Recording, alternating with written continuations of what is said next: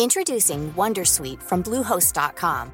Website creation is hard, but now with Bluehost, you can answer a few simple questions about your business and get a unique WordPress website or store right away.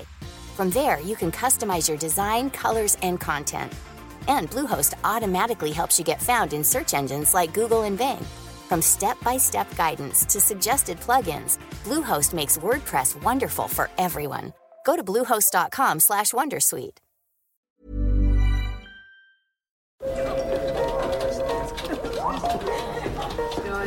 Dette er lyden av norsk næringsliv. Akkurat nå tas det små og store valg som kan bli avgjørende for fremtiden. Med økonomisystemet X-Leger tas disse beslutningene basert på informasjon i sanntid, slik at drømmer og ambisjoner kan bli virkelighet. Få kontroll og oversikt, gå inn på xledger.no. Denne sendingen er sponset av Xleger.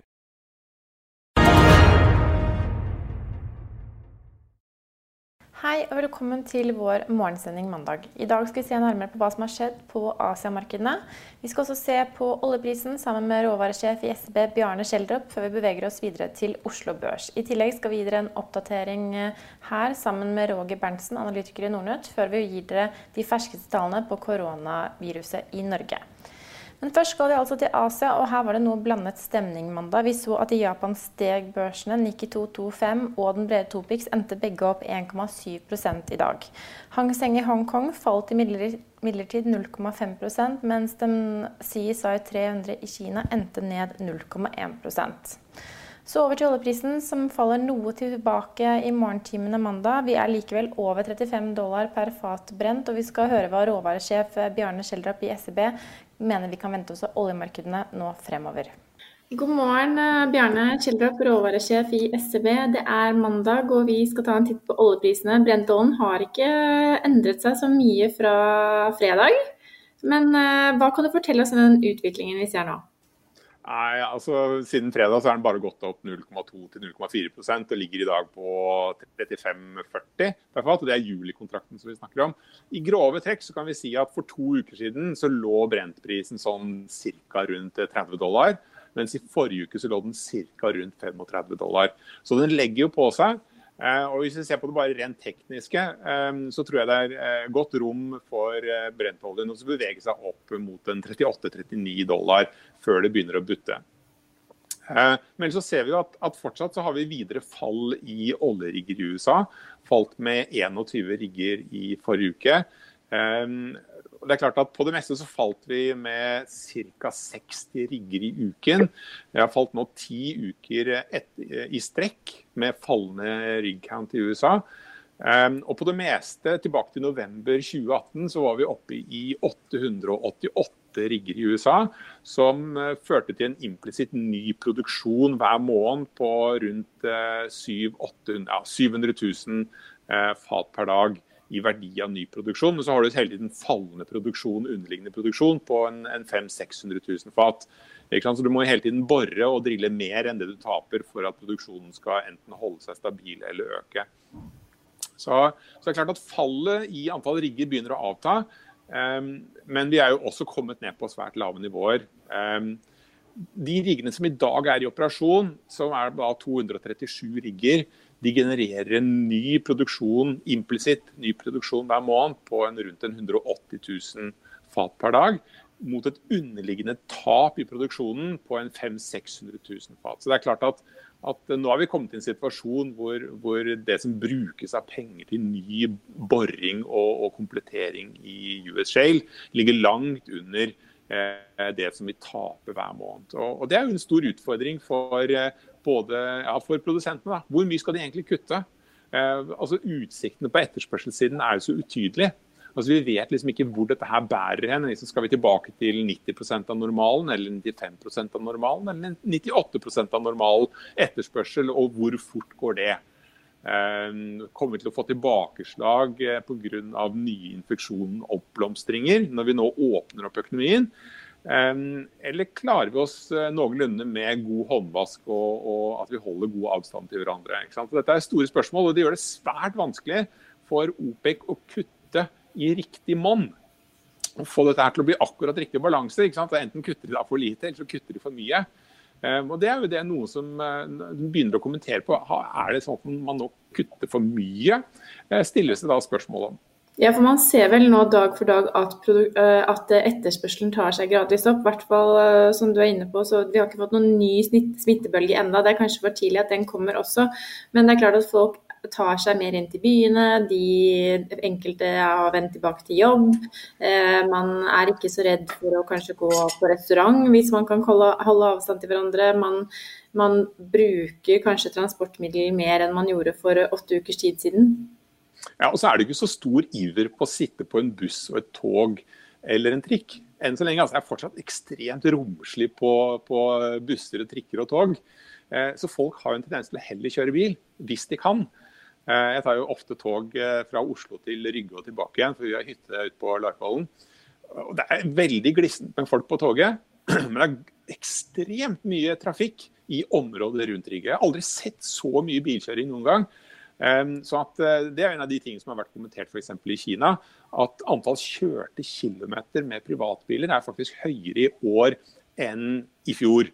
Bl.a. fordi at folk ikke så sugne på å sitte tettpakka i en T-bane eller kollektivtransport. Så når du sier at vi kan få oljeprisen opp mot 38-39 dollar før den begynner å butte, så er det nettopp dette her som er en av driverne. Kanskje også det at vi har nå sett at mye av produksjonen strupes rundt om i verden?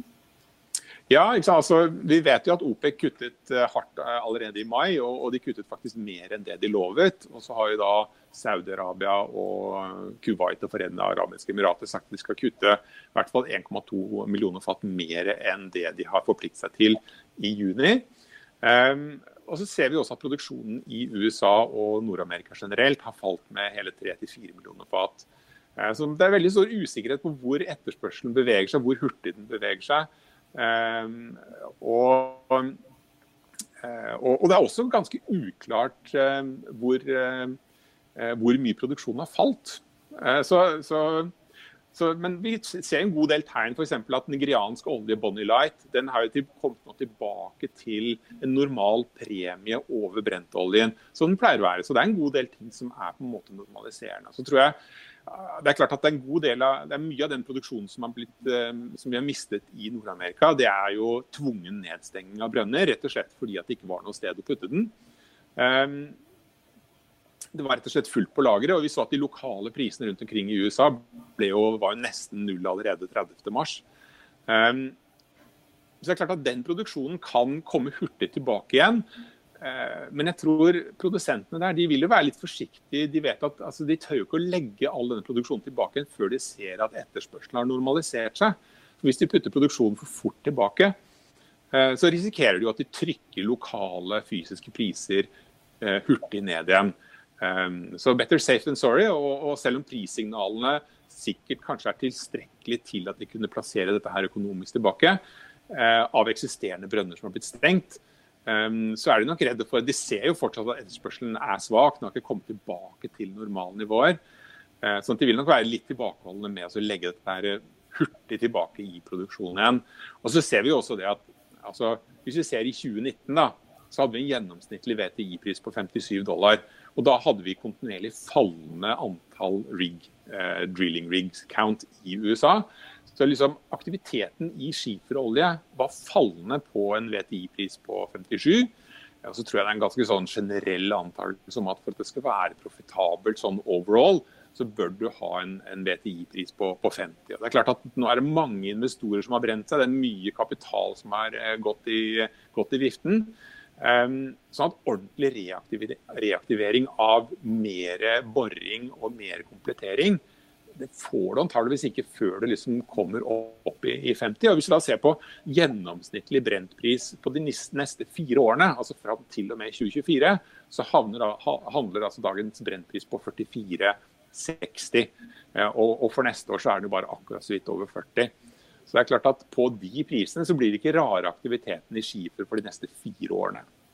Vi skal over til Oslo Børs, som stiger fra morgenen av mandag. Som vi har vært inne på, så er brentoljen eh, ganske stabil, rundt 35 dollar fatet. Og det er altså 5 dollar høyere enn for to uker siden.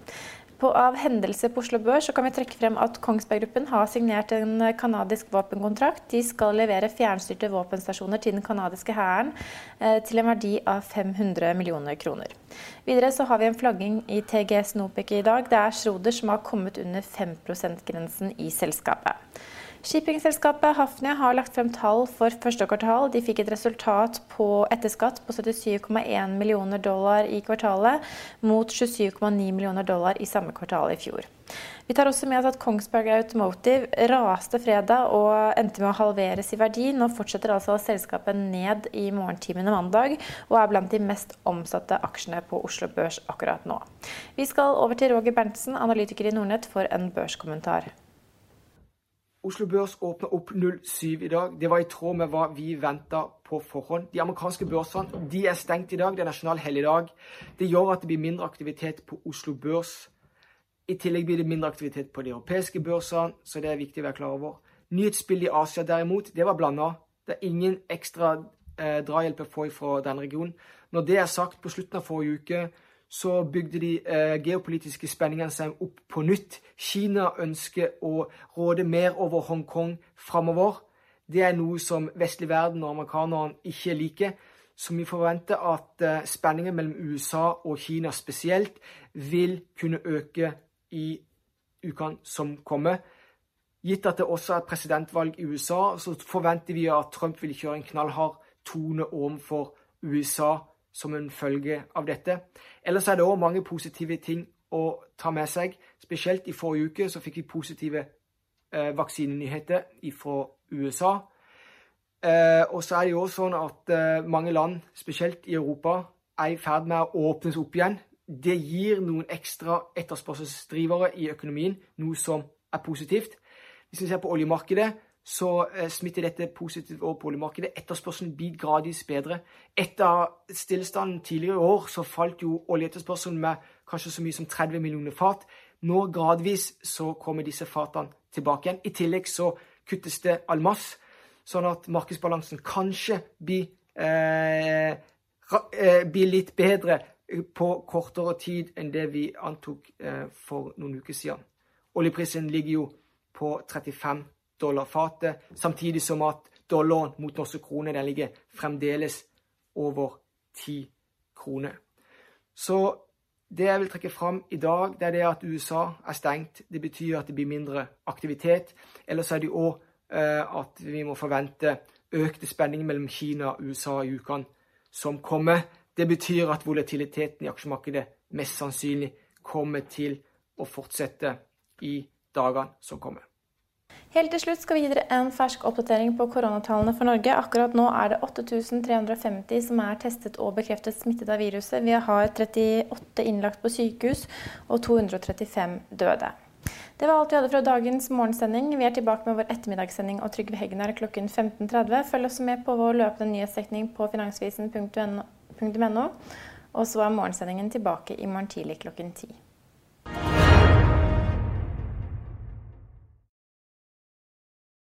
Denne sendingen er sponset av Xleger.